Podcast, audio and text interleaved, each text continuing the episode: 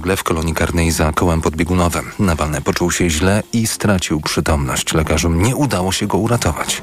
Rosyjskim mediom propagandowym zakazano informować o okolicznościach śmierci Nawalnego. Słuchasz informacji TOK FM. Kompleksowe badanie czeka stare drzewa w Sopocie przy ulicy 23 marca. Opracowanie pomoże utrzymać drzewa w dobrej kondycji i poprawi bezpieczeństwa. Potrzeba analizy zgłosili sami mieszkańcy w budżecie obywatelskim, mówi Anna Deksińska z zarządu Dróg i Zieleni. Na tej ulicy rośnie 167 drzew, 113 lip i 54 kasztanowce. Mówimy tu o dużych drzewach. Chcemy sprawdzić, w jakim stanie są drzewa. Opracowanie dokładnych wyników ma zająć kilka tygodni. Teraz sprawdźmy, co dzieje się w świecie sportu. Informacje sportowe.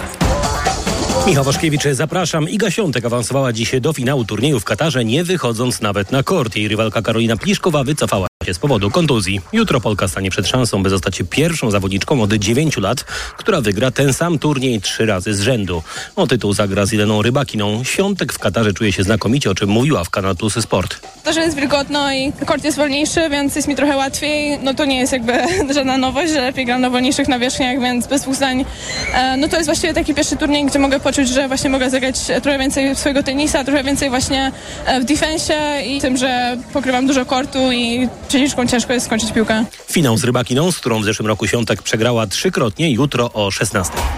Od meczu Radomiaka z Pogonią zaczęła się dziś 21. kolejka naszej piłkarskiej Ekstraklasy i był to znów koszmarny występ ekipy z Radomia, która tydzień temu przegrała z Krakowią 0 do 6 i kończyła mecz w dziewiątkę. Dziś ponad godzinę Radomiak grał w osłabieniu i przegrał z Pogonią Szczecin 0 do 4. Za niecałe pół godziny wicelider Śląsk Wrocław zmierzy się ze Stalą Mielec. Gospodarze są faworytem, ale trener Jacek Magiera spodziewa się trudnego meczu. Stal Mielec jest budowana w inny sposób, ale nie zapominajmy, że ma też ambitnych piłkarzy, dobrych, potrafiących grać. Sama sytuacja taka, że, że Stal Mielec potrafiła wygrać na stadionie Pogoni, czy też potrafiła wygrać na stadionie Legii, jest już taką e, lampką ostrzegawczą, która nie pozwala mówić, że e, tutaj będzie łatwo i przyjemnie. Hitem kolejki będzie jutrzejszy mecz lidera Jagiellonii z trzecim w tabeli Lechem Poznań, mówi trener drużyny z Białego Stoku Adrian Siemieniec. Na pewno nie skupiamy się dzisiaj na tym, w którym jesteśmy miejscu, tylko skupiamy się na tym, żeby zrobić dobrze swoją pracę, wykonać i na kolejnym meczu. Plan jest e, zawsze taki sam. Chcemy wygrać e, mecz e, niezależnie od tego, z kim gramy, niezależnie od tego, gdzie gramy i nasze cele się nie zmieniają. Hit w Białymstoku jutro o 17.30. Prowadząca klasyfikacji generalnej Alpejskiego Pucharu Świata reprezentantka gospodarzy Lara Goodberami wygrała zjazd w szwajcarskim kurorcie Crans Montana. Drugie miejsce zajęły egzekwo jej rodaczka Jasmine Fleury oraz Austriaczka Cornelia Hitter. Już dziś w nocy rozpocznie się w Indianapolis weekend gwiazd ligi NBA. Tak jak rok temu w meczu wschodzących gwiazd wystąpi polski koszykarz Jeremy Sochan. Natomiast niedzielny mecz gwiazd po siedmiu latach wraca do formatu wschód kontra zachód. W sobotę w nocy tradycyjnie odbędą się konkursy umiejętności rzutów za trzy i wsadów. Pogoda. Jutro w sobotę w całym kraju zachmurzenie. Więcej chmur na zachodzie i północy, mniej na wschodzie i południu, a to już za sprawą frontu atmosferycznego. W całym kraju może też popadać deszcz, ale raczej przelotnie. Na termometrach do 8 stopni nad morzem, około 7-8 stopni również na krańcach wschodnich i południowych. W Małopolsce, na Podkarpaciu, Podlasiu i Suwalszczyźnie 11, w centrum Polski do 13 miejscami na południowym zachodzie. Radio TOK FM. Pierwsze radio informacyjne. Mikrofon, Tok FM. Przy mikrofonie Bartłomiej Pograniczny zapraszam na poradnikowy mikrofon Radia Tok FM. Wczoraj Ministerstwo Finansów udostępniło usługę Twój EPIT za 2023 rok. To wstępnie wypełnione deklaracje podatkowe. Po raz pierwszy z tego ułatwienia mogą też w pewnym stopniu skorzystać przedsiębiorcy. Na jaki zwrot podatku możemy w tym roku liczyć? Komu przysługują ulgi? Kiedy się opłaca, a kiedy nie rozliczenie z małżonkiem? Na Państwa pytania odpowie dziś ekspert Leszek Dudkiewicz, doradca restrukturyzacyjny, partner w kancelarii Russell Bedford Poland. Dobry wieczór. Dobry wieczór panie redaktorze, dobry wieczór państwu. Już teraz mogą państwo do nas dzwonić pod numer 22 44044. Można też pisać na adres mikrofonmałpatok.fm lub pod zapowiedzią dzisiejszego programu można komentować, jeśli państwo odnajdą odpowiedni post na profilu Radio Tok FM na Facebooku. No i tak, od 15 lutego do 30 kwietnia wszystkich nas to czeka, czyli pity. Y, oczywiście to są rozliczenia za zeszły rok. Możemy też skorzystać z tych wstępnie wypełnionych deklaracji, czyli państwo w zasadzie już wszystko wie. To po co w ogóle cały ten proces? To prawda. Tutaj obserwujemy na przestrzeni obowiązywania deklaracji PIT znaczący rozwój, zarówno taki techniczny, jak i w ogóle społeczny, jeżeli chodzi o, o podejście do tematu rozliczania podatków e, rocznych, podatków dochodowych. tak patrząc się na to troszeczkę historycznie, no to w tym roku po raz 32 od momentu wprowadzenia PIT w Polsce podatnicy muszą zmierzyć się z tym niezbyt przyjemnym mhm. obowiązkiem. I, I, na przestrzeni tych e, lat e, praktycznie przeszliśmy od tych pierwszych deklaracji, po które trzeba było iść fizycznie, osobiście do urzędu, odebrać taki duży arkusz składający się tam z około 8-10 stron, potem go długopisem wypełniać i składać do etapu takiego, gdzie stopniowo wprowadzono nam różnego rodzaju ułatwienia, czy też e, zmiany w formie właśnie w kierunku takiego elektronicznego uzupełniania tych e, informacji. E, bo pierwszy raz mogliśmy elektronicznie składać e, PIT-y już w 2008 roku, także to już jest e, naprawdę duży odcinek czasu, 16 lat, tylko no, na początku wiadomo nie było to tak bardzo popularne.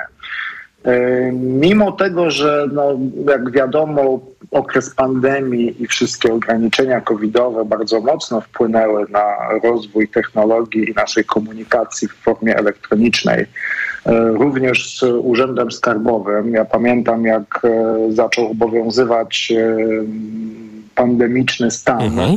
jak było trudno w ogóle umówić się na spotkanie w Urzędzie Skarbowym. Praktycznie urzędy się, tak jak inne instytucje i firmy, zamknęły na dłuższy okres czasu i tylko w ważnych, umówionych sprawach można było się w określonych okolicznościach z urzędnikiem spotkać. No to na pewno też przyspieszyło jakoś e, rozwój popularności tej formy komunikacji również w rozliczeniach e, podatkowych.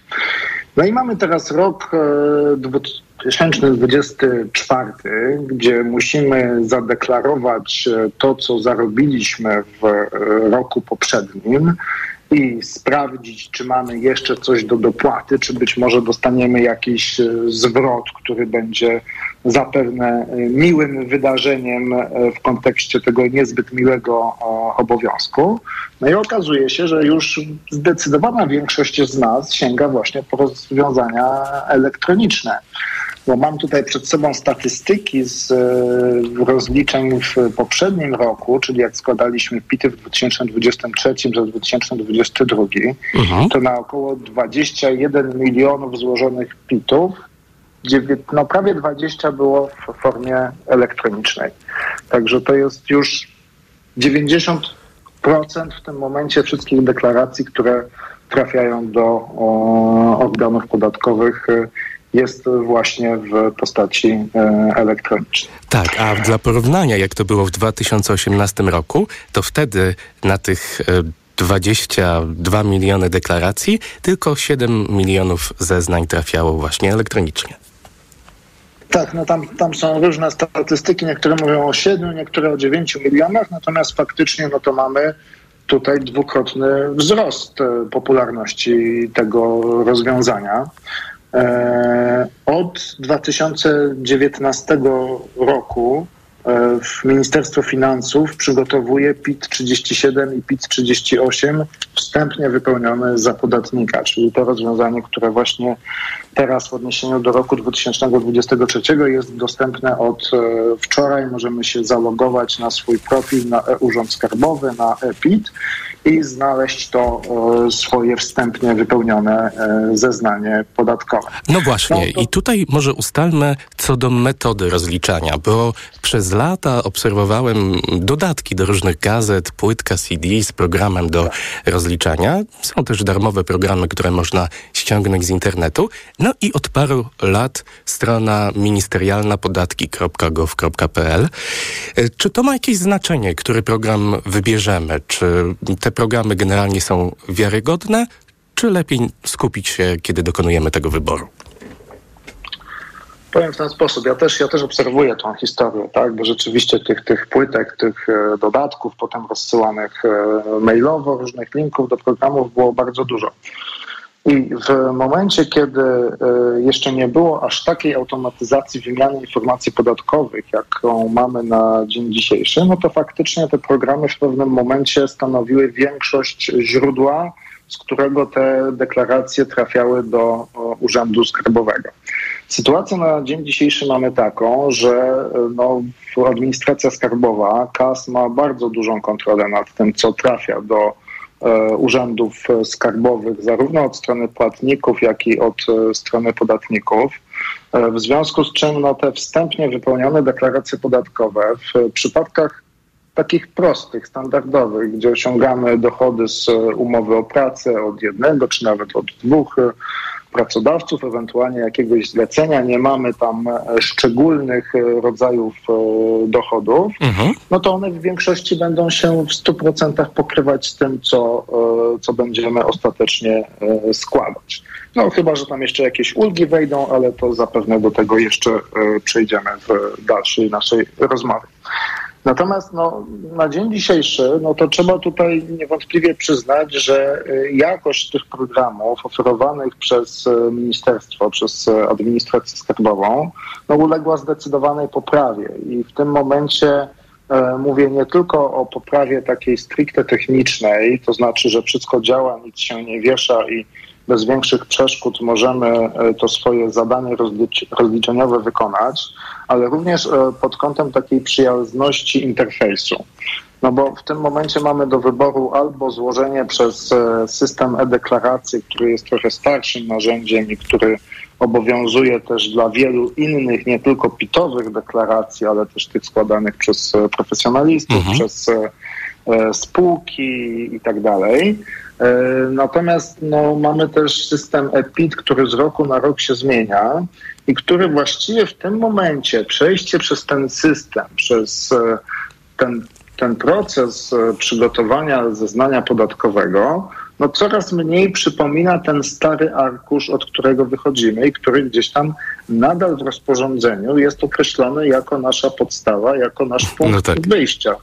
Ponieważ my tam tak naprawdę przechodzimy przez taką ankietę gdzie trochę nas ten system prowadzi za rękę i zadaje kolejne pytania. Tak naprawdę nie musimy na początku nawet wiedzieć, jaki plik my potrzebujemy wypełnić, bo sam e, system zada nas pytanie, czy jesteś przedsiębiorcą, czy jesteś pracownikiem, czy osiągnąłeś dochody z najmu. I tymi pytaniami odpowiednio wypełnia właściwe zeznanie, właściwą deklarację. W związku z czym no, ja w tym momencie naszych klientów, naszych odbiorców e, zachęcam do tego, żeby korzystać z tego e, rozwiązania. E, natomiast no, jeżeli chodzi o te mm, zewnętrzne programy służące do przygotowania zeznań PIT-ów, to one też mogą mieć pewne zalety, ponieważ w momencie, kiedy my już e, mamy jakieś ulgi do zadeklarowania, na przykład e, ulgę na termomodernizację, ulgę na zabytki, e, ulgi rehabilitacyjne, no mhm. to wypełnienie tego formularza urzędowego staje się, czy, czy odpowiedzenie na te pytania według tego schematu ankiety składającej się na ten formularz urzędowy, no już robi się troszeczkę bardziej skomplikowane, bo tam może nas na przykład w trakcie wypełniania, uzupełniania odpowiedzi na kolejne pytania system zapytać o coś takiego, a jaką drogi podatniku wykazałeś kwotę w pozycji 36 z załącznika PIT-O? Jasne. No i w tym momencie nie do końca wiemy, co z tym zrobić. Musimy ten załącznik albo gdzieś tam otworzyć, a on niekoniecznie jest dostępny z tego widoku, w którym się znajdujemy w tym momencie. A poza tym te e, formularze przez lata się nieco zmieniają. Tak, one się zmieniają co roku. To, to, to tutaj e, dbają o nas, żebyśmy się nie nudzili. E, więc co roku jakieś nowości zawsze są i te formularze zwykle są e, dopracowywane do ostatniej chwili. To znaczy, no, nie, nie wiemy często jeszcze na trzy miesiące przed e, e, składaniem deklaracji, jak dokładnie ten formularz będzie wyglądał. No i tutaj pewna taka mm, wyższość czy przewaga tych programów internetowych, których jest naprawdę dużo, nie chcę tutaj żadnego z nazwy czy firmy przywoływać, jest taka, że one mają te kwestie właśnie stosowania ulg czy tych e, bardziej rozbudowanych pytań, które wymagałyby takiej już troszeczkę wiedzy od strony podatnika na temat budowy samego formularza, no to one nam pomagają przez to przejść w sposób bardziej przyjazny, ponieważ tam też one są opracowane przez specjalistów, te pytania kolejne do, do tych aspektów dotyczących choćby tego, czy spełniamy warunki do zastosowania danej ulgi. Mhm. I często no tutaj twórcy tych programów w jakimś sposób uzupełniają, czy może nawet trochę eliminują wady tej, tej usługi rządowej. No to wynika też trochę z tego, że administracja rządowa pracuje jednak w sposób bardziej formalny i E, ten program e, rządowy, który jest udostępniany, który udostępnia e, administracja skarbowa podatnikom, no on musi być w 100% formalnie zgodny z wszystkimi rozporządzeniami, z wszystkimi wymaganiami, takimi, o których my jako podatnicy, ostatecznie odbiorcy tego rozwiązania w ogóle nie mamy pojęcia i nie mhm. musimy tego wiedzieć. Natomiast twórcy oprogramowania komercyjnego, czy też tego, no to, to komercyjnie jest często darmowe, bo ono jest elementem jakiegoś innego programu i, i, ci autorzy, te firmy chcą się w jakiś sposób też promować w ten sposób, no to oni mają troszeczkę większą swobodę, tak? Więc tutaj wytworzyło się coś na zasadzie takiej pewnej konkurencji pomiędzy systemem rządowym tak, i administracją kasu, a informatykami z firm prywatnych, którzy e, próbują również przyciągnąć do swoich produktów tym właśnie jeszcze bardziej przyjaznym e, interfejsem i próbując jeszcze e, uprościć podatnikom e, wypełnienie tego PIT-a. Także to, to wygląda w ten sposób. Natomiast jeżeli chodzi o, o te deklaracje, które są gotowe, które są e, przygotowane do, do, do złożenia przez podatników, no to tutaj mamy też e, no jedną taką istotną nowość, tak? mhm. że one dotychczas były dostępne wyłącznie dla osób osiągających e, dochody za pośrednictwem płatników, czyli dochody z umów o pracę, dochody z umów zlecenia, dochody z umów o dzieło, ale również dochody z zysków kapitałowych czy świadczenia y, publiczne, y, gdzie instytucje odpowiednie przygotowują dla nas tą deklarację PIT-11, PIT-11A, PIT-8C, którą wysyłają i do Urzędu Skarbowego, i do nas jako do podatnika, w której wskazują, jakie kwoty zostały ustalone przychodu, jakie kwoty e, kosztów zostały uwzględnione, jaka kwota e, dochodu z tego wynika do zadeklarowania i e, opodatkowania. No to w tym momencie oprócz takich sytuacji dołączają do tego również wstępnie wypełnione deklaracje dla przedsiębiorców. Co Jasne. wydaje się dosyć przyjaznym rozwiązaniem. Tak, ale jest taka różnica, że w przypadku y, PIT-ów 37 tam w zasadzie, jeśli wszystko się zgadza, możemy kliknąć wyślij. W przypadku Dokładnie. przedsiębiorców to już nie jest takie proste. Dokładnie powiem więcej, że w przypadku PIT-ów 37, czyli y, tych powiedzmy pracowniczych, E, to my nawet nie musimy klikać tego przycisku wyślij. Bo jeżeli my tego nie zrobimy, no tak. a upłynie termin 30 kwietnia, to organ, e, system sam uzna ten PIT za wersję ostateczną i przyjmie takie dane, jakie tam zostały pierwotnie wypełnione za zadeklarowane przez e, podatnika. Także tutaj mamy właściwie 100% można powiedzieć inwigilacji tak, ze, strony, e, ze strony Urzędu Skarbowego. Natomiast jeżeli chodzi o przedsiębiorców, to tego nie ma i tego prawdopodobnie nigdy nie będzie. Dlatego, że zupełnie inny jest ciężar odpowiedzialności. E, no bo ten przedsiębiorca, który e, co do zasady w większości przypadków jest również e, płatnikiem, no, musi wypełnić te tak naprawdę najważniejsze dane. Mhm. W związku z czym to, co on znajdzie tam, to są głównie wstępne dane dotyczące jego działalności, ewentualnie dane jakieś pochodzące z lat ubiegłych. Natomiast przedsiębiorca sam musi tam wpisać swoje przychody, informacje o swojej działalności gospodarczej, swoje źródła, e, informacje o, e, w, tym, w tych przypadkach, gdzie jest to e, możliwe, o e, odliczonych, e, poniesionych kosztach uzyskania przychodu, o, o odliczeniu składek społecznych, odliczeniu składek zdrowotnych, wszystkie te elementy E, przedsiębiorca będzie musiał sam wypełnić, w związku z czym no ja tę sytuację rozpoznaję troszeczkę tak, że e, w przypadku PIT-u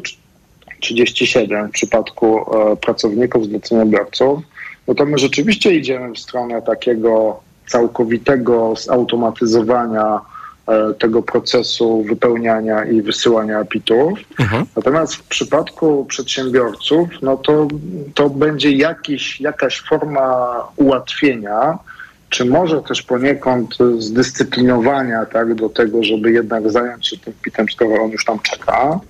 Natomiast i tak te e, dane kluczowe, czyli dane, które tak naprawdę wpływają na wysokość podatku, który musimy zapłacić, ewentualnie którego nie musimy zapłacić, jeżeli osiągnęliśmy stratę albo jeżeli na skutek stosowania ulg i zwolnień rzeczywiście ten podatek dochodowy do zapłaty e, nie wychodzi, no to ten ciężar tutaj i tak zostanie e, po stronie przedsiębiorców. W związku z czym no, moim zdaniem ta zmiana, tak, bo tutaj też e, patrząc się na te liczby, to widzę, że skarbówka wskazuje, że wypełniła w tym roku około 4 milionów zeznań przed, dla przedsiębiorców. Mhm. E, no to jest powiedzmy jakiś taki dodatek do, do procesu składania deklaracji podatkowej a nie samo zastąpienie tego procesu. No bo w przypadku tych PIT-ów 37, no to my jesteśmy właściwie już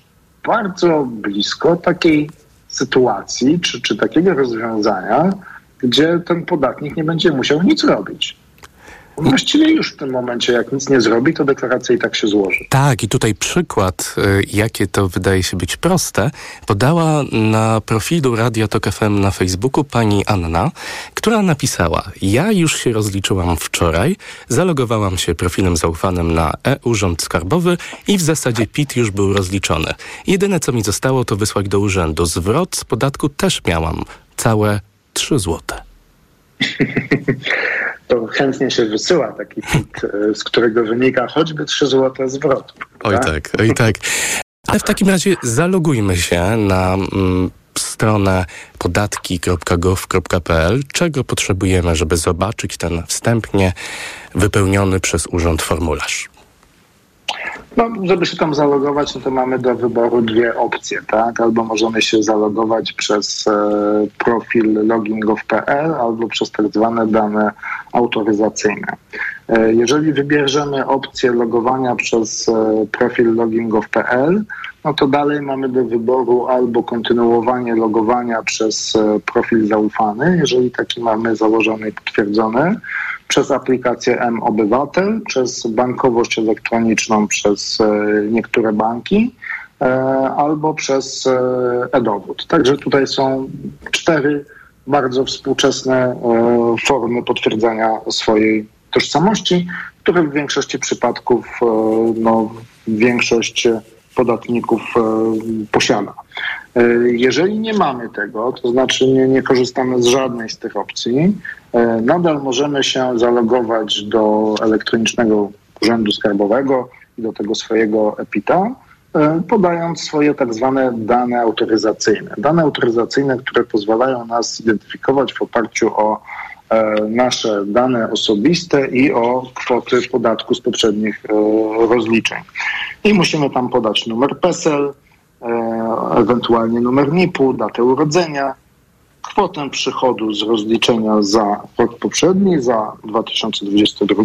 Tutaj mhm. wskazujemy przychód, nie dochód, czyli to, co stanowi sumę przychodu ze wszystkich e, źródeł e, i kwotę przychodu z jednej z informacji od płatników e, z roku, za który się rozliczamy, czyli z roku 2022. no 23, czyli może to być SPIT 11, może to być SPIT 11A, może być to SPIT 8C. E, potem jeszcze będziemy musieli wpisać kwotę e, nadpłaty lub e, podatku, jaką mieliśmy do zapłaty z rozliczenia za rok 2022. No i system powinien nas wpuścić już i dać nam dostęp do, do EPITA. A, Także tutaj. A tak co z kwestią urzędu skarbowego, które e, wybieramy, bo to jest zawsze ten dylemat zamieszkanie, zameldowanie, e, co kiedy zameldowany jestem w jednym miejscu, przez pół roku mieszkam w innym miejscu, a pod koniec roku w jeszcze kolejnym. Mhm. E, no w tym momencie, jeżeli mówimy o miejscu zamieszkania w Polsce, tak, i o zmianie tego miejsca zamieszkania w Polsce, mm, no to e, tutaj nam się w ostatnich latach zdecydowanie złagodziły wymogi, jeżeli chodzi o sam obowiązek e, meldunkowy. W tym momencie decydujące jest miejsce zamieszkania, także możemy sobie wybrać tam, gdzie mieszkamy w danym momencie. Natomiast tak z praktycznego punktu widzenia, jak widzę, jak to wygląda w przypadku podatników, którzy zmieniają to swoje miejsce zamieszkania, no to sytuacja jest taka, jeżeli w zeszłym roku mieszkałem w e, Warszawie, a przeniosłem się do Krakowa, no to Urząd Warszawski posiada wszystkie moje akta i jakby identyfikuje się wewnętrznie w swoim systemie jako urząd właściwy, dopóki nie zrobię jednej z dwóch rzeczy. To znaczy albo nie poinformuję o zmianie właściwości z uwagi na zmianę miejsca zamieszkania i tutaj wystarczy zmiana miejsca zamieszkania, to, musi, to nie musi być zmiana miejsca zameldowania, e, albo złożę właśnie e, deklarację e, do tego aktualnego e, urzędu, e, który jest właściwy według mojego miejsca zamieszkania, który no, co do zasady powinien być to ten e, urząd, który był właściwy w ostatnim dniu okresu, za który składamy deklarację, czyli na dzień 31 grudnia 2023 e, e, roku. Natomiast e, to też nie jest jakiś e, bardzo duży e, kłopot, jeżeli złożymy tego PIT-a wskazując inny urząd skarbowy niż ten e, wynikający z aktualnej właściwości miejscowej, mhm. E, ponieważ organy podatkowe, jeżeli stwierdzą, że jest inna właściwość miejscowa, e, to po prostu przekażą czy, czy prześlą, te, prześlą te deklaracje do tego urzędu właściwego. E, często jest tak w tym momencie, że, że podatnicy, którzy zmieniają miejsce zamieszkania w ciągu roku, rozliczają się przez lata w swoim, no nazwijmy to starym urzędzie skarbowym, tym, który był właściwy lat temu pięć i tak dopóki my tam będziemy deklarować, że, że to jest e, nasze miejsce zamieszkania, no to też z automatu nikt tego nie powinien e, kwestionować czy, e, czy zmieniać. No i dlatego na przykład duże miasta zachęcają to widzę w Warszawie co roku w zasadzie ogłoszenia. E, rozlicz się w Warszawie, nawet jeśli nie jesteś tutaj zameldowany, zameldowana, po to, żeby pieniądze szły właśnie do, do miasta, w którym teraz żyjesz. Dokładnie, ponieważ część pieniędzy trafia do, e, z, z wpływów e, jednostki samorządu terytorialnego. E, nie całość, bo większość dochodu z PIT-u akurat stanowi dochód budżetu państwa i w ogóle tutaj się sporo zmieniło przez te, przez te ostatnie lata, natomiast część nadal trafia do jednostek samorządu terytorialnego, więc no, duże miasta chcą rosnąć w siłę budżetową również, e, również w ten sposób. Mogą Państwo do nas pisać na adres mikrofonmałpatok.fm, komentować post na Facebooku i dzwonić pod numer 22 44044 i właśnie z tej drogi skorzystała Pani Jola z Łodzi. Dobry wieczór. Y, więc panie redaktorze, przepracowałam w życiu przeszło 30 lat. Uczciwie. Mhm. I no, raz jestem pokrzywdzona, nie wracam do tego, że mąż zmarł. W ogóle nie wykorzystałem emerytury. Ja dostałam 85%, a moje 35 lat, bo nie dostałam z tego ani grosza. Ale to już pomijam ten fakt. W tej chwili jestem osobą na tyle niepełnosprawną, że mam komplikacje z wzrokiem, jestem nie, osobą niedowidzącą. Więc ponieważ osoby niedowidzące mają prawo odliczenia y, sumy od leków przez cały rok, więc ja po prostu automatycznie z tego korzystam.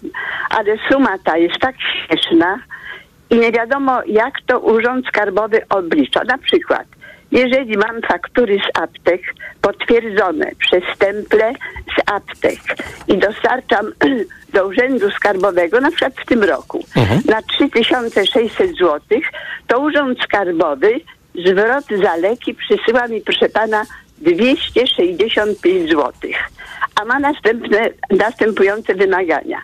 Przechowywać te faktury 6 lat i leki muszą być tylko stricte od lekarza, bo innych nie uznają.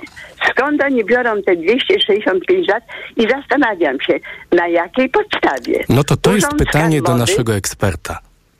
Tak, na jakiej podstawie Urząd Skarbowy nie honoruje sumy z faktur. Już tłumaczę, o co tutaj prawdopodobnie e, chodzi. To, o czym rozmawiamy, to jest tak zwana ulga rehabilitacyjna.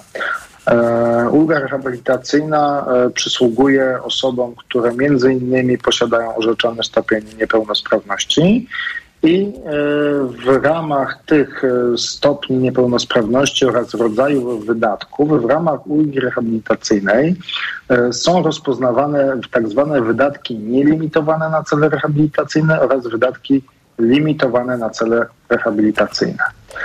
E, Zakup części e, leków zależy od tego, czy e, lekarz specjalista stwierdzi, że osoba niepełnosprawna powinna stosować stale lub czasowo te leki.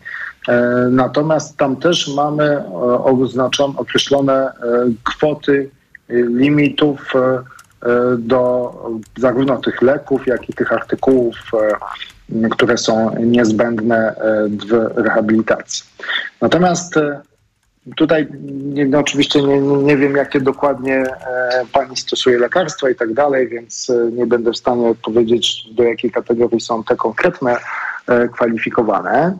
Natomiast to jest pierwsza rzecz. Natomiast ja przypuszczam, że tutaj jeszcze jedną, jeszcze jedną kwestię należałoby wyjaśnić. Otóż sposób stosowania ulgi rehabilitacyjnej. Jest to ulga, która jest odliczana od dochodu. W związku z czym, jeżeli tak jak tutaj nasza słuchaczka poniosła wydatki w, w wysokości 3600 zł w roku, posiada wszystko udokumentowane fakturami, to tą kwotę odliczamy nie od kwoty podatku, tylko od kwoty dochodu. W związku z czym ta kwota, która potem e, wychodzi do zapłaty, to nie jest e, 3600 podatku mniej, tylko to jest 12%, jeżeli pani jest w pierwszej skali podatkowej, e, od, od 3600. Więc to jest kwota tam maksymalnie około 400 zł, jeżeli chodzi o to zmniejszenie tego obciążenia podatkowego, które efektywnie jest pani w stanie uzyskać. Więc myślę, że tutaj gdzieś te dwie kwestie się razem nałożyły. No bo tak jak mówię, e, tutaj nawet licząc na szybko przy tej kwocie 3600, no to maksymalnie możemy 432 zł odliczyć. E, W związku z czym tam większość, tak, tak by wychodziło z tego, co pani mówi, że większość tych e, wydatków jest w 100% uwzględniana do ulgi. Ale to już zależy od, od, od poszczególnych e, pozycji i tak dalej. A pani się rozlicza w Urzędzie Skarbowym osobiście? Tak, w czy, Urzędzie czy... Skarbowym. Ale ta, ta suma nie jest w ogóle rewaryzowana od kilkunastu lat. Leki poszły w górę, no minimum 300% i dalej to jest aktualne, a w ogóle tam jest taka adnotacja, że od każdej faktury, mam taką adnotację, nie wiem, w tej chwili gdzieś pod ręką, nie mam pod ręką, że od każdej faktury przede wszystkim należy odliczyć 100 zł. To dla mnie to jest naprawdę, to jest łamigłówka nie z tej ziemi, żeby żądać od chorego człowieka, że ma tą jedną, ja nie mam żadnych innych ulg, więc do tego zmierzam, żadnych nie mam, bo nie mam tam żadnych chór, żadnych wózków, nic nie korzystam, tylko te leki i to jest wyszczególnione za leki faktury za leki z apteki, Tak. nie żadne urządzenia Różnica pomiędzy wydatkami I proszę pana, poniesionymi w danym miesiącu, a kwotą 100 zł. przesyłają 260 zł i jeszcze jak każą przechowywać 6 lat tą dokumentację, no to są chyba naprawdę żarty. No nie wiem, dlaczego tak traktują ludzi niepełnosprawnych, no nie rozumiem tego w ogóle. No to byłoby wszystko, ale jest mi po prostu y, bardzo przykro i jestem bardzo zdziwiona, skąd się bierze tak mała suma. Ja wiem, że są na przykład wózki rehabilitacyjne i wtedy wózek kosztuje 4 tysiące, y, więc oni coś tam dokładają 1000 zł i tak dalej. Ale tu jest w ogóle rzecz wyodrębniona. Tylko za leki i faktury z apteki. Zgadzam się z Panią, że to zdecydowanie nie jest e, system uczciwy, jeżeli chodzi szczególnie właśnie o takie, e, o takie sytuacje, gdzie, gdzie te leki stanowią no, no, istotną część wydatków naszych e, szanownych seniorów. No to mamy, mamy apel do nowego rządu w takim razie. Tak. Bardzo dziękujemy za głos e, pani Joli z Łodzi. Mogą państwo dzwonić, mogą państwo pisać 22 44 044 mikrofon małpa tok.fm czyli przeszliśmy już do tematu najciekawszego, najbardziej istotnego dla wszystkich osób e, wypełniających e, PIT-y w tym roku i w latach poprzednich, czyli ulgi, odlicz, wszelkie odliczenia. Tutaj już była ta ulga rehabilitacyjna. E, Kiedy przygotowywałem się do audycji, rozmawiałem z różnymi e, osobami, no to e, pojawił się temat ulgi na dziecko, ulgi prorodzinnej. Mm, Jakie są warunki otrzymania tej ulgi? Bo wcale nie jest tak łatwo ją otrzymać. Tak, rzeczywiście ulga prorodzinna jest tą ulgą, która e, dotyczy, dotyczy większości e, z nas i ta ulga jest e, w przeciwieństwie do ulgi, jeżeli mówimy sami uldze prorodzinnej, a nie zwolnieniu dla rodzin Mhm. wielodzietnych, bo też są, to są jakby dwie odrębne sprawy. To ta ulga jest odliczana od podatku, w związku z czym ona jakby daje większą taką ekonomiczną, finansową korzyść, jeżeli e, mamy prawo e, z niej e, skorzystać. Ulga prorodzinna jest należna, tak to powiedzmy, dla rodziców od roku, w którym dziecko się na świecie pojawiło, jak również od momentu, kiedy dziecko e, jest w naszej pieczy, jeżeli mówimy o e, pieczy, czy, czy, czy to wynikającej ze stosunku przysposobienia, czy to e, pieczy z wykonywanej w ramach rodziny zastępczej. E, Roczna wartość tej, ulgi zależy od e, liczby dzieci. Podstawowa ulga wynosi 1112 zł 4 grosze, o ile dobrze pamiętam, za rok e, 2023. Zaraz sobie to też jeszcze zweryfikuję. E, Tak, jest. 1112 i 4 grosze. Dokładnie. Dokładnie tak. Natomiast musimy pamiętać, że ona przysługuje e, z pewnym limitem dochodu rodziców. E, to znaczy, jeżeli mamy jedno dziecko, e, to limit e, dochodu wobec tego rodzica Mhm. e, to jest 112 tysięcy e, złotych. Przy czym sumuje się tutaj e, dochody zarówno no, dochody e, obojga małżonków e, lub 56 tysięcy w przypadku, jeżeli e, wychowujemy dziecko nie będąc w związku małżeńskim. Wtedy każdy z rodziców taką kwotę może, e, taką kwotę ma, e, jeżeli chodzi o ten próg, do którego jest dopuszczalna ta ulga. E, Natomiast e, w przypadku, mm, w przypadku większej liczby dzieci, dwóch lub e, więcej, e, te limity dochodu już e, nie obowiązują. E, Na drugie dziecko mamy taką samą kwotę. e, Na trzecie dziecko mamy 2000, e, 4, 2000 zł i 4 grosze. e, I tak samo na każde kolejne. Zadzwoniła do nas słuchaczka, pani Halina z Warszawy. Dobry wieczór, jest pani na antenie. Dobry wieczór. Czy ja mogę najpierw zadać takie proste pytanie dotyczące podatków, a nie PIT-ów? Oczywiście. Chodzi mi o to, że słyszałam u Was w radio, że do jakiejś kwoty, jeżeli się da darowiznę rodzeństwu, czyli bratu lub siostrze, jest to zwolnione od podatku. I nie pamiętam, czy to jest 6 tysięcy, czy 8 tysięcy, a powyżej tej kwoty już brat czy siostra powinna zgłosić taką darowiznę do Urzędu Podatkowego. Chodzi mi o kwotę 6 czy 8 tysięcy? Jasne. Czyli rozmawiamy teraz o podatku od spadków i darowizn, akurat Mhm. w grupie zerowej najbliższych osób. E, No to tutaj pytanie do naszego eksperta, jakie to są kwoty? Jeżeli chodzi o wolne, jeżeli chodzi o kwoty wolne od podatku, w przypadku tak zwanej grupy zerowej, czyli naszej najbliższej e, rodziny, e, rodziców, e, rodzeństwa, Rodzeństwa. e, dziadków, dzieci, tutaj w Pani przypadku mówimy o, rodzeństwie, to pod pewnymi warunkami te, e, niezależnie od wysokości tej kwoty, może Pani korzystać ze zwolnienia spadków od podatku od spadków i darowizn. Ponieważ ustawa o spadkach i darowiznach mówi w ten sposób, że w przypadku osób zaliczonych do tzw. zerowej grupy podatkowej unikniemy w całości e, obowiązku zapłaty podatku od spadków i darowizn, e, jeżeli w ciągu sześciu miesięcy zgłosimy do Urzędu Skarbowego fakt dokonania otrzymania takiej darowizny.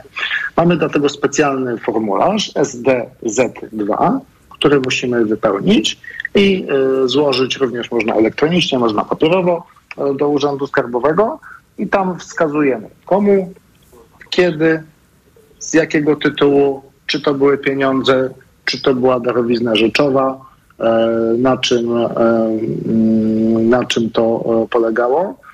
Natomiast musimy też pamiętać o tym, że musimy udowodnić w przypadku, jeżeli są to darowizny pieniężne, musimy to udowodnić potwierdzeniem przelewu. To znaczy, że praktycznie oznacza to, że darowizna gotówki nie będzie korzystała z tego zwolnienia. E, Tylko to- może tu doprecyzujmy, bo pan tutaj podał informację, że generalnie no, jakby każda kwota może uzyskać to pełne zwolnienie, tylko trzeba złożyć odpowiednią deklarację. A do jakiej Tak. kwoty takiej deklaracji nie trzeba składać? Te kwoty znacząco wzrosły e, na przełomie ostatnich lat, tak naprawdę w ostatnim roku. E, Jeżeli chodzi o nabywców zaliczonych do pierwszej grupy podatkowej, e, czy to jest troszeczkę większa, większa grupa niż ta zerowa, ponieważ ona obejmuje też między innymi teściów, to tam mamy kwotę około 36 tysięcy, 36 120 złotych. E, Wcześniej to było 10 tysięcy, wcześniej to było około 9 tysięcy, tak jak pani mówi, czyli bez konieczności składania e, zawiadomienia, informacji do Urzędu Skarbowego, do tej kwoty 36 120 zł możemy tę darowiznę przekazać. E, Tutaj jeszcze trzeba zwrócić uwagę na to, że ta darowizna może być jednorazowa, może być wielorazowa, czyli to może być na przykład kilka razy po 6, 6 razy po 6 tysięcy i też będzie korzystać z tego zwolnienia. Natomiast sumujemy te darowizny od jednego darczyńcy, od jednej osoby w okresie 5 lat. Czyli jeżeli będę dawał 10 tysięcy swojemu bratu co roku, to w pierwszym roku bez konieczności zawiadomienia e, mam to zwolnione z podatku od spadku darowizny, w drugim też, trzecim też, ale w czwartym już nie, bo w czwartym będzie 40 tysięcy i o 4 tysiące przekroczę. I zapłacę wtedy podatek od tych 4 tysięcy. Czyli w przypadku tych 6 tysięcy złotych w ogóle pani tego nie musi składać. składać. Dobrze, teraz mam drugie pytanie dotyczące już konkretnie PIT-u, wypełniania PIT-u. Osoba niepełnosprawna ma prawo odliczyć od dochodu czy przychodu kwotę, którą wydała na, na przykład na sanatorium prywatnie. Pojechała na, na turnus rehabilitacyjny do sanatorium. Jeżeli taka osoba ciężko chora była na dwóch, trzech, czterech turnusach, czy jest jakiś limit, który można odpisać, czy wszystkie te turnusy można odpisać od y, przychodu? W tym picie zero się to pisze w uldze rehabilitacyjnej. Czy po prostu jest jakiś limit, do którego można korzystać z turnusów rehabilitacyjnych, jakaś, chodzi mi o kwotę, czy, czy, czy jak się było trzy razy, to można te trzy kwoty tam sumować i, i o tyle obniżyć, prawda, przychód, czyli później zwrot będzie podatku. E, tak, jeżeli chodzi o, o, o wyjazdy na e, turnusy rehabilitacyjne, e, to tutaj chyba będziemy tak, tutaj będziemy mieli kwotę 2280 zł. To jest ta maksymalna kwota, którą możemy odliczyć w ciągu, w ciągu roku. Aha, czyli jak na przykład osoba niepełnosprawna na siebie wydała 2000, 3000, może odliczyć tylko 2200 tam z tymi y, końcówką, tak? To jeszcze zależy, to jeszcze zależy od, e, od e, stopnia niepełnosprawności i no bo co do zasady tutaj mamy rzeczywiście taki, e, taki limit. Mm, mm. Tak, ale raczej to będzie, raczej to będzie limitowane do tej kwoty. Dobrze, a jeżeli osoba niepełnosprawna wydała na razem, była po prostu na wspólnocie rehabilitacyjnym razem z, z kimś tam, z bratem czy, czy z dzieckiem, który też ma grupę niepełnosprawnościową i pokryła jego pobyt na tym turnusie rehabilitacyjnym, czyli może też odliczyć, bo to wyczytałam w tej instrukcji w zeszłym roku do PITA Zero, czyli też może oprócz swojego, mm, jak gdyby swojej kwoty, którą wydała na turnus rehabilitacyjny, jeszcze odliczyć to, co poniosła faktycznie koszty za brata lub dziecko, tak? Tak. Czy już nie może? Czy, czy może jeszcze może. to rodzeństwo? Może. Dobrze, może. to ja mniej więcej wszystko wiem, ale jeszcze chciałam coś powiedzieć, jak mogę, o y, rozliczaniu y, lekarstw. Ja to robiłam już od wielu, wielu lat. Najpierw rodzicom, a teraz sobie pani mówiła zdenerwowana, że od każdej faktury odlicza 100 zł. Nie od każdej faktury, tylko faktury się sumuje i od każdego miesiąca odlicza się 100 miesiącu, zł. tak, miesiącu, tak, a nie od dokładnie. każdej faktury. Więc jeżeli ta pani kupowała powiedzmy lekarstwa sześć, przez no, sześć razy w roku, czyli bo z reguły ci ludzie, którzy sobie odpisują, to starają się kupić lekarstwa raz na kwartał, żeby jak największa była ta kwota wydana w aptece. Ale załóżmy, że ta pani sześć razy kupowała, czyli musi od sześciu miesięcy odliczyć 100 zł, czyli 600 zł od tych 3200, no to jej zostaje 2800, a w tej chwili jest tak niski podatek, że 120 zł od 1000 zł, no to tak jest, od 3000 dostaje się zwrotu 3600. No trzeba po prostu chyba takim ludziom tłumaczyć, że płacą tak mały podatek, do 3000 w ogóle nie płacą podatku, że to, co kiedyś dostawali, kiedy był podatek tam 19-21%, no to wtedy bardzo dużo płacili podatku, a teraz tak mało płacą podatku, że jak gdyby tą ulgę, no już skonsumowali, no już, już dostali zwrot tego podatku, także no niestety starsi ludzie pamiętają, że kiedyś dostawali dużo więcej i nie potrafią tego zrozumieć, że wtedy bardzo dużo płacili podatku i na przykład 2000 zostawało w urzędzie skarbowym, a dostawał 1000 zł zwrotu za lekarstwa, a w tej chwili w ogóle nie płaci podatku do 3000, czyli tak jakby dostał za te lekarstwa 3000. No to jest trudne do wytłumaczenia. Dziękujemy za Pani Nie. głos, Pani Helino. Dobrego Dziękujemy wieczoru. bardzo, tak. I Jeszcze przed informacjami e, zdążymy porozmawiać chwilę z Panią Stellą z Warszawy. Dobry wieczór. E, Dobry wieczór. Z jakim tematem Pani dzwoni?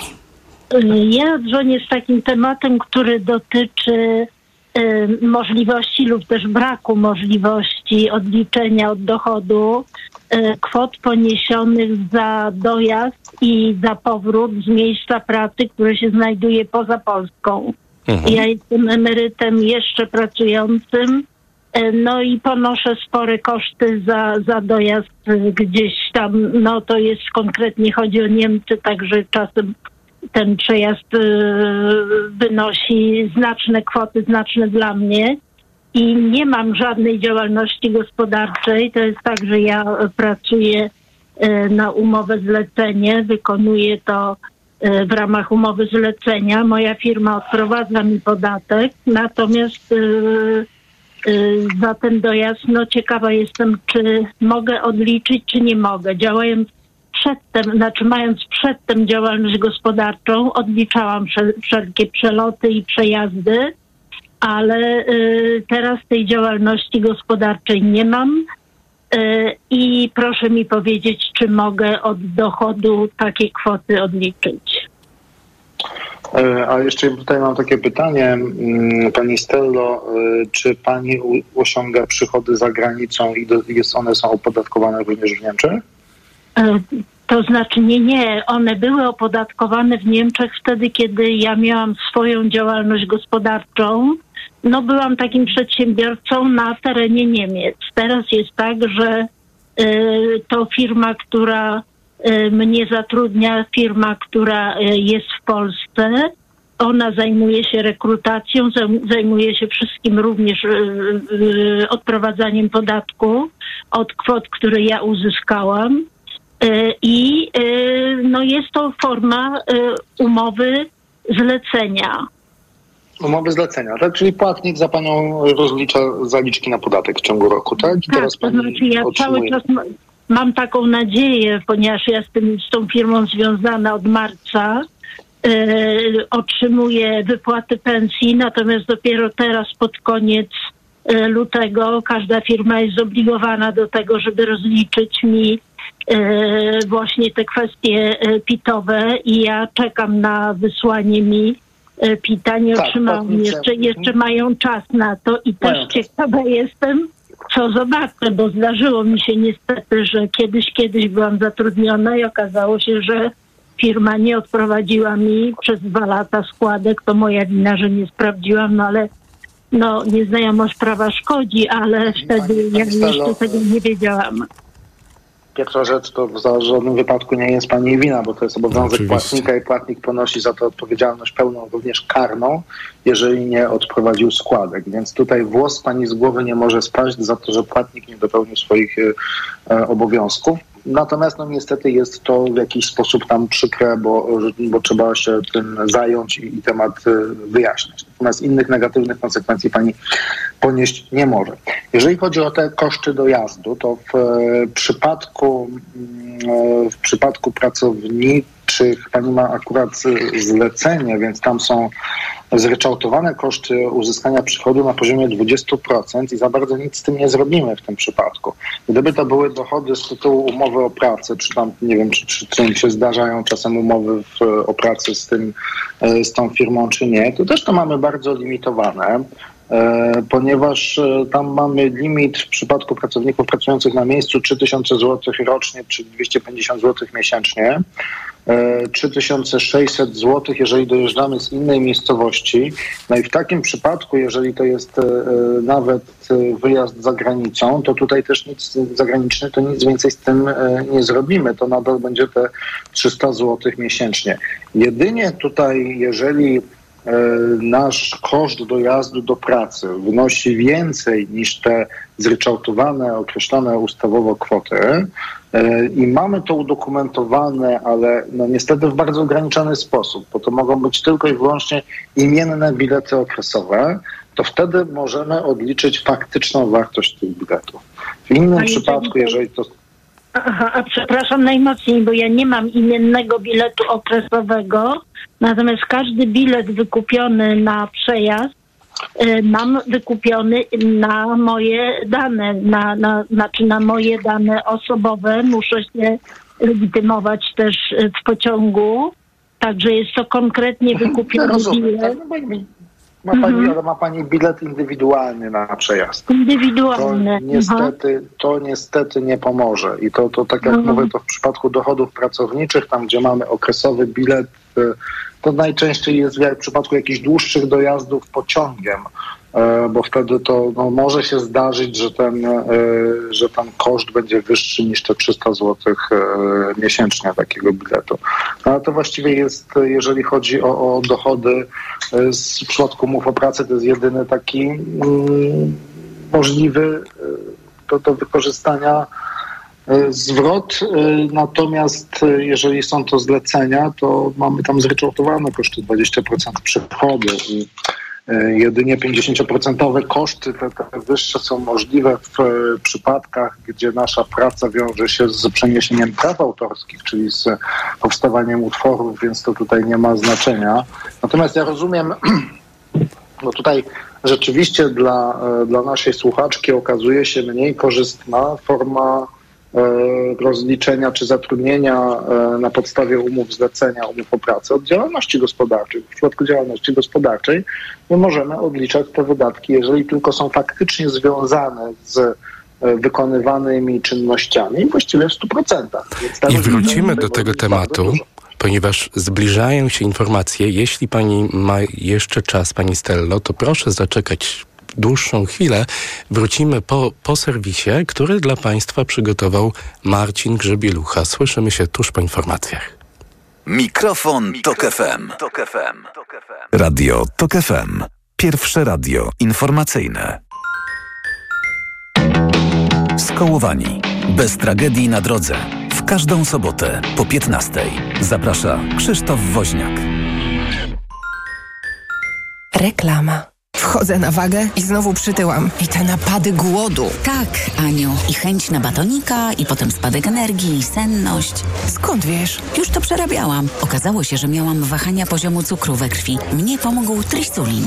Suplement diety Trisulin to aż trzy ekstrakty roślinne dla wsparcia prawidłowego metabolizmu glukozy. Trisulin to połączenie morwy, kozieradki oraz górmaru, który dodatkowo kontroluje wagę, zmniejszając apetyt na słodycze. Trisulin i cukier w normie. Zdrowit. Przyjmuję dwa razy w weekend, w sobotę i niedzielę od 16 w Radiu TOK FM. O. Na wizytę u doktora zaprasza Ewa Podolska zdrowia życzę. Sponsorem programu jest suplement diety Vivomix. Probiotyk o dużej sile działania. Witotal dla mężczyzn to witaminy i minerały w dużych dawkach. Plus dodatkowe składniki tylko dla mężczyzn. Witotal jest najlepszy dla nas, facetów. Suplement diety Witotal. Więcej niż witaminy. Aflofarm. Aniu, zobacz, kolejny raz wyświetla mi się ta reklama. Świetna inwestycja, gwarancje rządowe. Oj, nawet ten twój ulubiony aktor ją poleca. Mm, pokaż. A, wiesz co, mnie wydaje się to podejrzane. Ty zawsze masz jakieś wątpliwości. I słusznie. Według danych Urzędu Komisji Nadzoru Finansowego w ostatnim roku oszustwa na fałszywe inwestycje stały się jednym z najpopularniejszych sposobów wyłudzania pieniędzy. Uważaj, gdzie i komu udostępniasz swoje dane. Więcej informacji o cyberoszustwach znajdziesz na knf.gov.pl. Poznaj mega sposoby na oszczędności w Rosmanie. Między innymi pieluchomajtki Baby Dream. Najniższa cena z 30 dni przed obniżką 19,99, a teraz 14,49. Mega Ci się opłaca. W Rosmanie. Reklama. Radio TOK FM. Pierwsze radio informacyjne. Piątek 16 lutego minęła 21.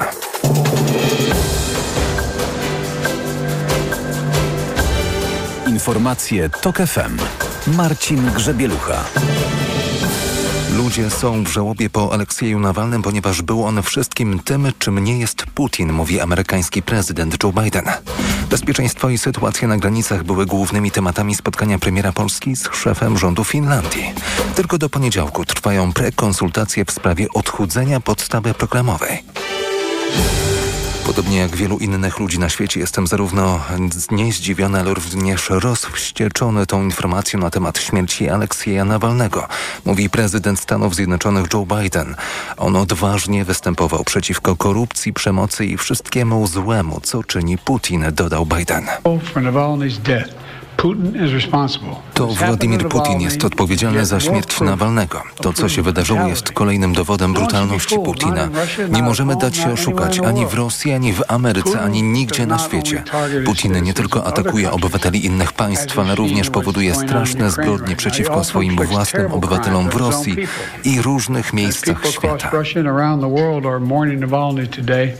Jako pierwsza agencja Reutera podała, że Aleksiej Nawalny nie żyje, powołując się na komunikat rosyjskiej kolonii karnej, gdzie przebywał opozycjonista i krytyk Kremla. Nawalny miał 47 lat, został aresztowany w styczniu 2021 roku na lotnisku w Moskwie. Te, wtedy wrócił z Niemiec, gdzie leczył się po nieudanej próbie otrucia. Z oficjalnego komunikatu wynika, że główny polityczny wróg dyrektora dyktatora Władimira Putina zmarł nagle w kolonii karnej po półgodzinnej resuscytacji. Lekarze stwierdzili oficjalnie zgon. Informacja o śmierci opozycjonisty wywołała falę oburzenia wśród zachodnich polityków. Z podsumowaniem Cezary Jaszczyk. Sekretarz generalny NATO Jens Stoltenberg domaga się ustalenia wszystkich faktów i odpowiedzi Rosji na poważne pytania dotyczące okoliczności śmierci opozycjonisty. Kanclerz Niemiec Olaf Scholz mówił o odwadze Nawalnego. Spotkałem Nawalnego tutaj w Berlinie, kiedy przebywał w Niemczech, próbując wyzdrowieć po próbie otrucia. Rozmawiałem z nim o wielkiej odwadze, jakiej wymaga jego powrót do kraju i prawdopodobnie teraz zapłacił za tę odwagę życiem. Wiceprezydentka Stanów Zjednoczonych Kamala Harris powiedziała, że Waszyngton stara się potwierdzić doniesienia. Jeśli potwierdzą się informacje o śmierci lidera rosyjskiej opozycji Aleksieja Nawalnego, będzie to kolejny dowód brutalności Putina. Śmierci Nawalnego do tej pory nie potwierdzili też jego bliscy współpracownicy. Cezary Jaszczyk, TOK FM.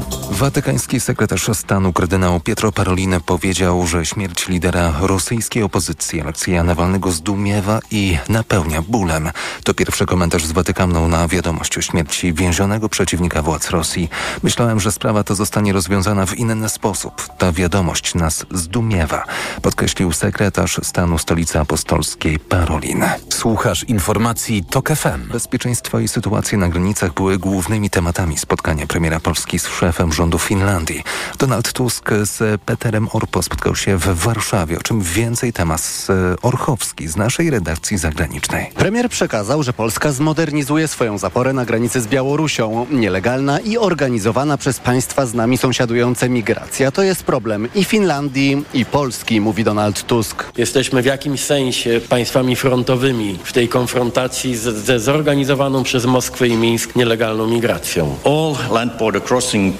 Wszystkie przejścia lądowe między Finlandią i Rosją są zamknięte. To konieczne, bo nadal jest wysokie ryzyko, że Rosja będzie kontynuować swoje hybrydowe ataki i aktywności.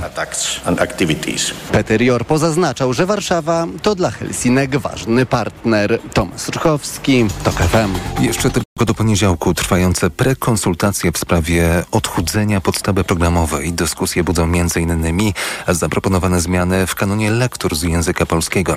Resort Edukacji chce wykreślić z listy obowiązkowych lektur Konrada Wallenroda, Adama Mickiewicza, syzyfowe prace Stefana Żeromskiego czy Roma Julię Williama Szekspira. Uczniowie nie musieliby też czytać pana Tadeusza w całości, bo na liście lektur obowiązkowych zostałyby tylko jego fragmenty. Tych lektur jest w szkole po prostu za dużo, mówi wiceszefowa resortu edukacji Katarzyna Lubnauer. Nie chcemy udawać, że nie wiemy, że istnieją bryki. Chcemy, żeby młodzież realnie zachęcić do czytania. Polonistka Aneta Korycińska, znana w sieci jako Baba od Polskiego, pozytywnie ocenia przede wszystkim dorzucenie do listy lektur uzupełniających współczesnych pozycji. Jej zdaniem lista obowiązkowa wciąż jednak jest zbyt obszerna. Koalicja Obywatelska skręciła w lewo i to też lewicy zaszkodziło. Problem polega na tym, że tam jest też kryzys przywództwa. Obchudzona podstawa programowa ma obowiązywać od września. Zupełnie nową podstawę resort chce wprowadzić do szkół do 2026 roku. Teraz sprawdźmy prognozę pogody. Pogoda. W dzień w całym kraju zachmurzenie. Więcej chmur będzie na zachodzie i północy, mniej na wschodzie i południu, tam już dotrze front atmosferyczny do 8 stopni nad morzem, na krańcach wschodnich i południowych, do 11 w centrum Polski i 13 maksymalnie na południowym zachodzie. Radio TOK FM. Pierwsze radio informacyjne. Mikrofon, Tok FM. Przy mikrofonie Bartłomiej Pograniczny zapraszam na drugą część poradnikowego mikrofonu Radia Tok FM. Dziś rozmawiamy o podatkach. Program wydaje Maria Andrzejewska, a realizuje Krzysztof Malinowski. A na Państwa pytania odpowiada ekspert Leszek Dudkiewicz, doradca restrukturyzacyjny, partner w kancelarii Russell Bedford Poland. I przed informacjami rozpoczęliśmy rozmowę z panią Stellą z Warszawy. Pani Stella jest nadal z nami. Możemy kontynuować. Halo, halo. E, Tak, jestem, jestem. E, Ja uzyskałam odpowiedź odnośnie tego, że no niestety, ale nie mogę od swoich e, poniesionych kosztów z tytułu przejazdu za granicę odpisać. I też usłyszałam, że korzystniej jednak byłoby, gdybym tak jak poprzednio była zatrudniona na Gewerbie, czyli na działalności gospodarczej. E, No i ja praktycznie wykorzystałam już chyba tematy, ale ponieważ dostałam jeszcze możliwość e, do pytania na antenie, e, no to dopytam. Ja jestem też osobą niepełnosprawną i zastanawiałam się, czy jeżeli w tym roku nie dokonałam zakupu sprzętu rehabilitacyjnego, e, to jeżeli dokonam tego zakupu teraz wstecz, nie mogę tego odliczyć. E, Natomiast e, wiele rzeczy, które kupiłam, nie pomyślałam o tym, no nierozsądnie nie pomyślałam o tym, żeby zbierać rachunki z tytułu poniesionych kosztów, a było tego sporo, bo gimnastykuję się w basenie, więc sobie basen kupiłam na działkę. Żeby korzystać z tego, kupiłam też sprzęt dogrzewający wodę solarnie i wiele tego typu sprzętów zakupiłam, natomiast nie pomyślałam o tym, żeby e, te rachunki przedstawić tutaj w Urzędzie Skarbowym. Teraz się zastanawiam, czy tego typu e, sprzęty mogę wykazać w ramach ulgi rehabilitacyjnej. Panie Leszku? Tak, e, więc jeżeli pani e, poniosła wydatki e, na sprzęt rehabilitacyjny, mm, to pierwsza rzecz, no to trzeba by było się zastanowić na podstawie tych konkretnych wydatków, tych konkretnych sprzętów, jak one są opisane i jak one się mają do orzeczonej niepełnosprawności i zdecydować, czy one wchodzą w dodatki nielimitowane czy limitowane.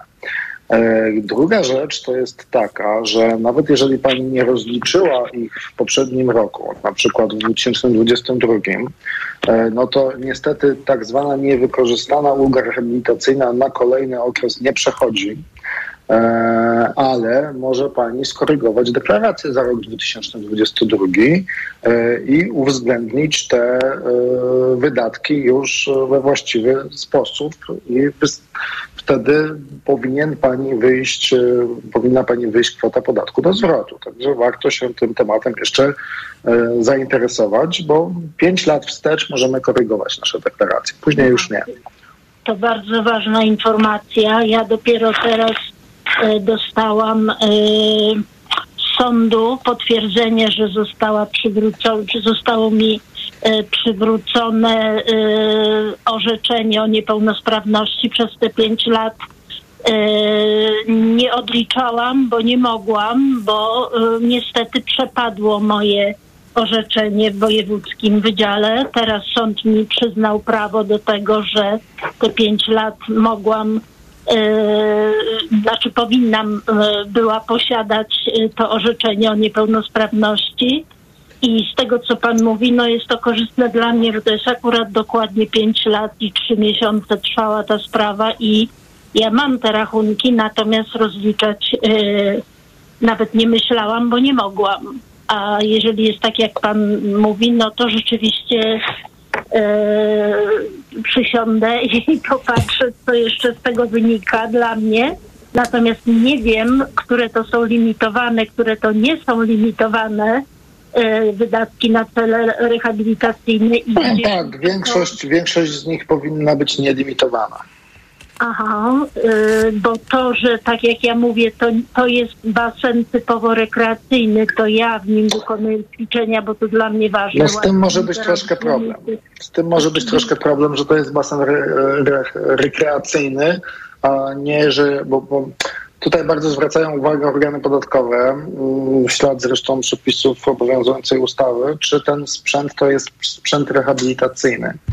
E, czyli co jest napisane na tym paragonie, na tym fakturze, co jest w opisie tego, e, tego sprzętu, bo ustawa mówi o wydatkach poniesionych na zakup, naprawę i najem sprzętu rehabilitacyjnego oraz na zakup, naprawę i najem wyrobów medycznych wymienionych w wykazie wyrobów medycznych.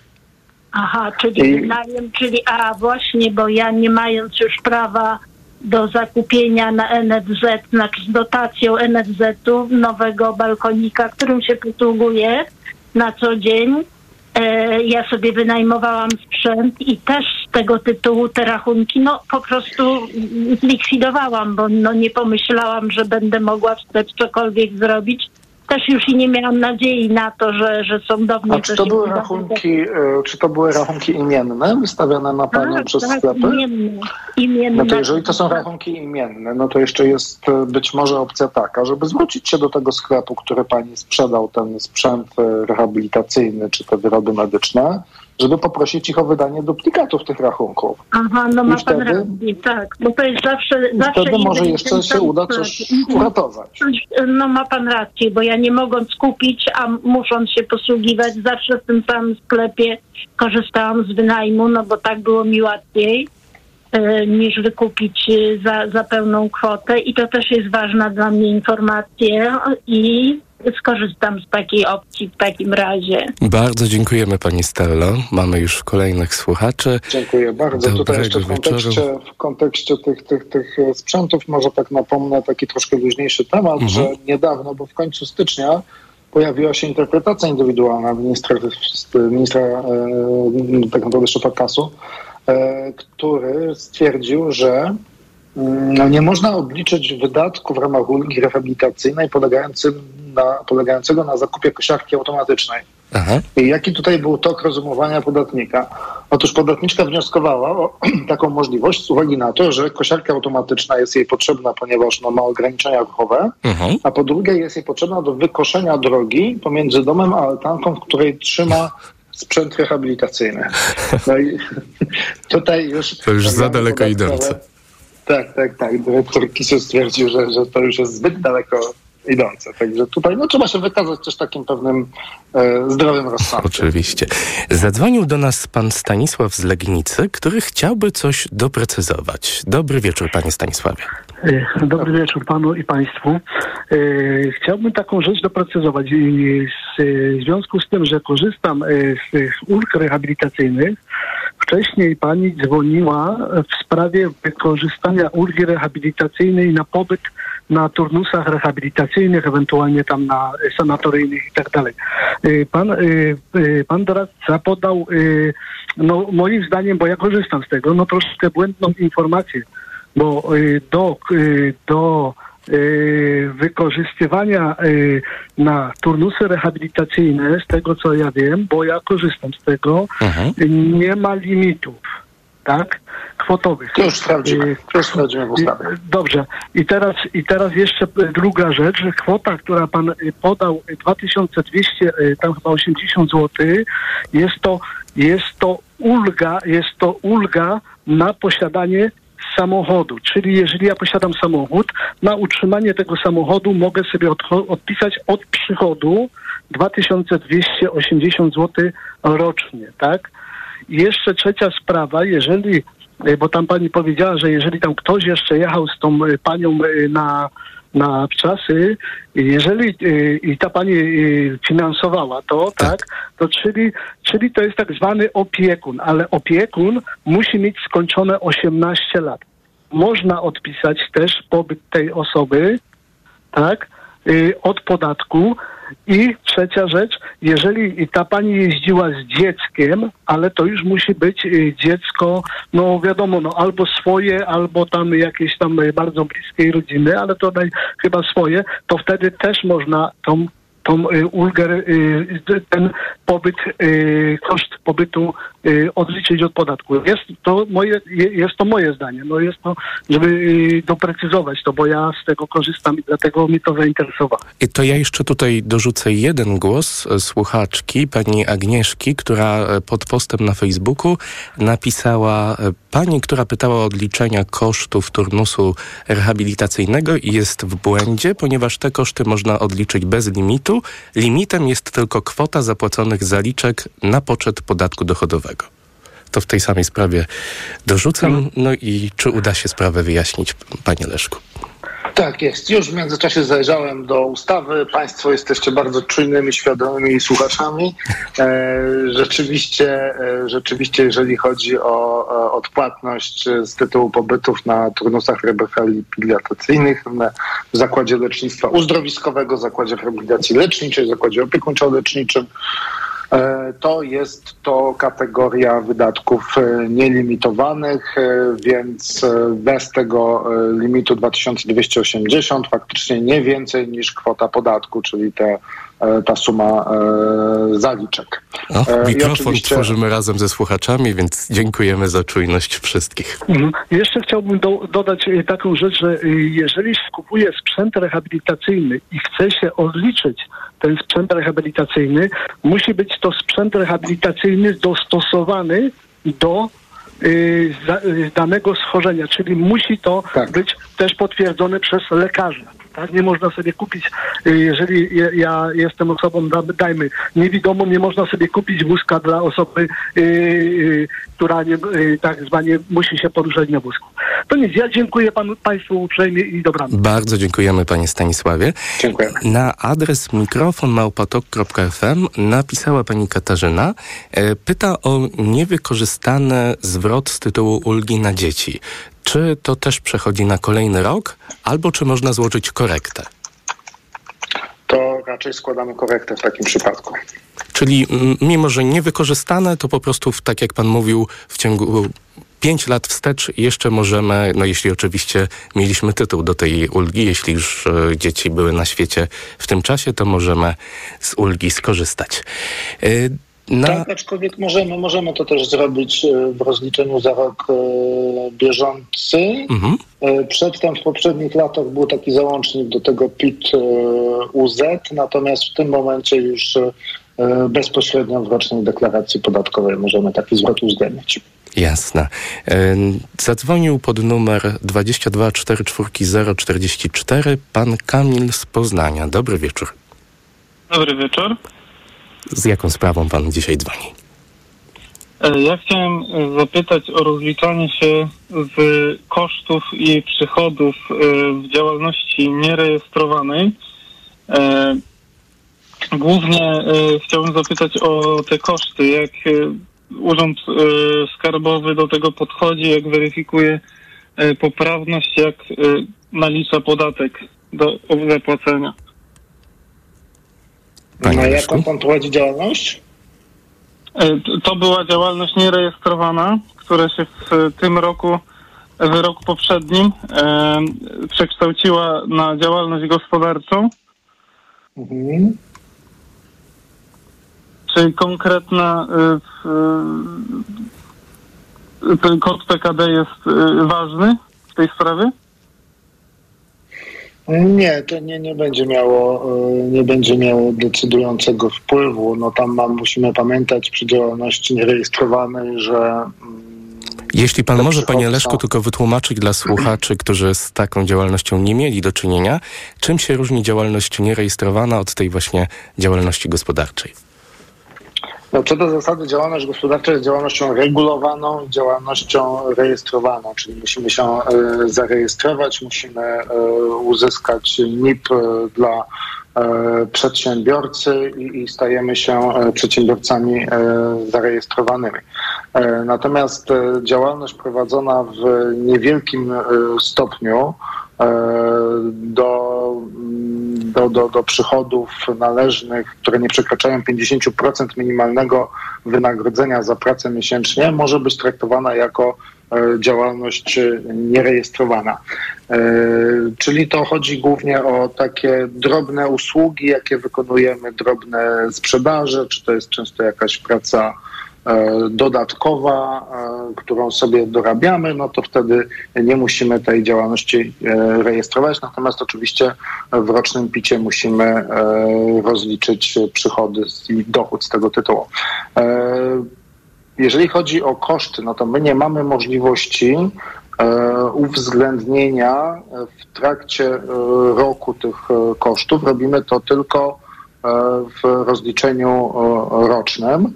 No i de facto rozlicza pan te koszty, które, które pan poniósł w związku z tą prowadzoną działalnością. Bardzo często jest to zakup materiałów, z których coś produkujemy w swojej tam tej domowej takiej działalności. Są to często przesyłki, tak? bo często wysyłamy wysyłamy te towary drogą pocztową czy, czy kurierem do naszych odbiorców, ale to może być też, to mogą być też opłaty za usługi internetowe, to mogą być opłaty za wykup domeny, to może być opłata za abonament na stronie internetowej, której sprzedaje, z której sprzedajemy, tak? To może być opłata na podstawie faktur wystawionych przez platformę sprzedażową, ale to mogą być również kursy jakieś takie, jeżeli to jest na przykład działalność w zakresie kosmetyki, no to, to ona też wymaga zdobycia pewnych umiejętności czy doskonalenia, więc koszty poniesione na te kursy również musimy, możemy czy mamy prawo uwzględnić. Przede wszystkim no, trzeba zwrócić na to uwagę, żeby zbierać dokumenty. Te dokumenty powinny być wystawiane imiennie na Pana dane. No i tutaj proszę zwrócić uwagę, że mm, to nie powinny być paragony, że, że te paragony będą pewnie zakwestionowane, jeżeli nie będzie na nich danych Pana, czyli imienia i nazwiska. Nie musi to być, nie musi to być NIP, to nie musi być tak, jak jest w przypadku tego paragonu będącego fakturą uproszczoną, bo pan nawet nie musi mieć NIP-u, bo działalność gospodarcza nierejestrowana nie ma takiego wymogu. Natomiast warto zadbać o to, żeby na każdym dokumencie, który pan otrzymuje, kupując usługi czy materiały, towary, były wskazane identyfikacje pana. Tutaj też nadal jest pan konsumentem, tak? Bo to jest, to jest taka trochę quasi działalność, ta działalność nierejestrowana, więc pan korzysta nadal tak naprawdę kupując te, te, te towary i usługi z takiej silniejszej tej ochrony dla konsumentów. Natomiast no, rzeczywiście proszę zadbać o to, żeby one były, były imienne. W takim razie dopytam jeszcze y, konkretnie o te na przykład paragony.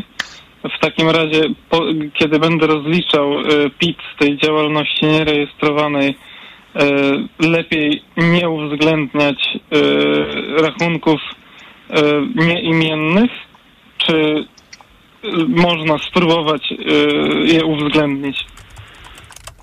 No powiem tak, no to jest pytanie, które stosunkowo często gdzieś, gdzieś podatnicy zadają. No to w pewnym zakresie ryzykujemy, tak? No bo jeżeli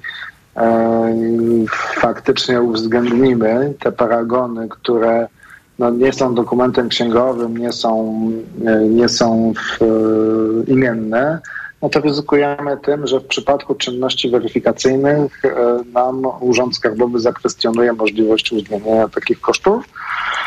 Co wiąże się z tym, że jeżeli pan wykaże dochód w kwocie powiedzmy tysiąc, a w, będzie miało tutaj dla wysokości tego dochodu znaczenie te, te, te, te kwoty z paragonów, no to tą różnicę, tą kwotę z paragonów panu doszacują do podstawy opodatkowania i zapłaci pan od tej różnicy podatek plus odsetki do dnia zapłaty. Z drugiej strony, no pewnie, jeżeli pan nie wy, w ogóle tych paragonów nie wykorzysta, no to pan ma wyższą kwotę podatku do zapłaty, ale troszkę spokojniejszą głowę, tak? No bo w tym momencie y, nikt nam nie zakwestionuje tej wysokości. No trudno mi tutaj oczywiście powiedzieć, jakie jest prawdopodobieństwo tego, że ktoś zwróci uwagę y, na ten temat. No, mogę, mogę tylko tyle zaznaczyć, że z jednej strony bardziej uważnie przyglądają się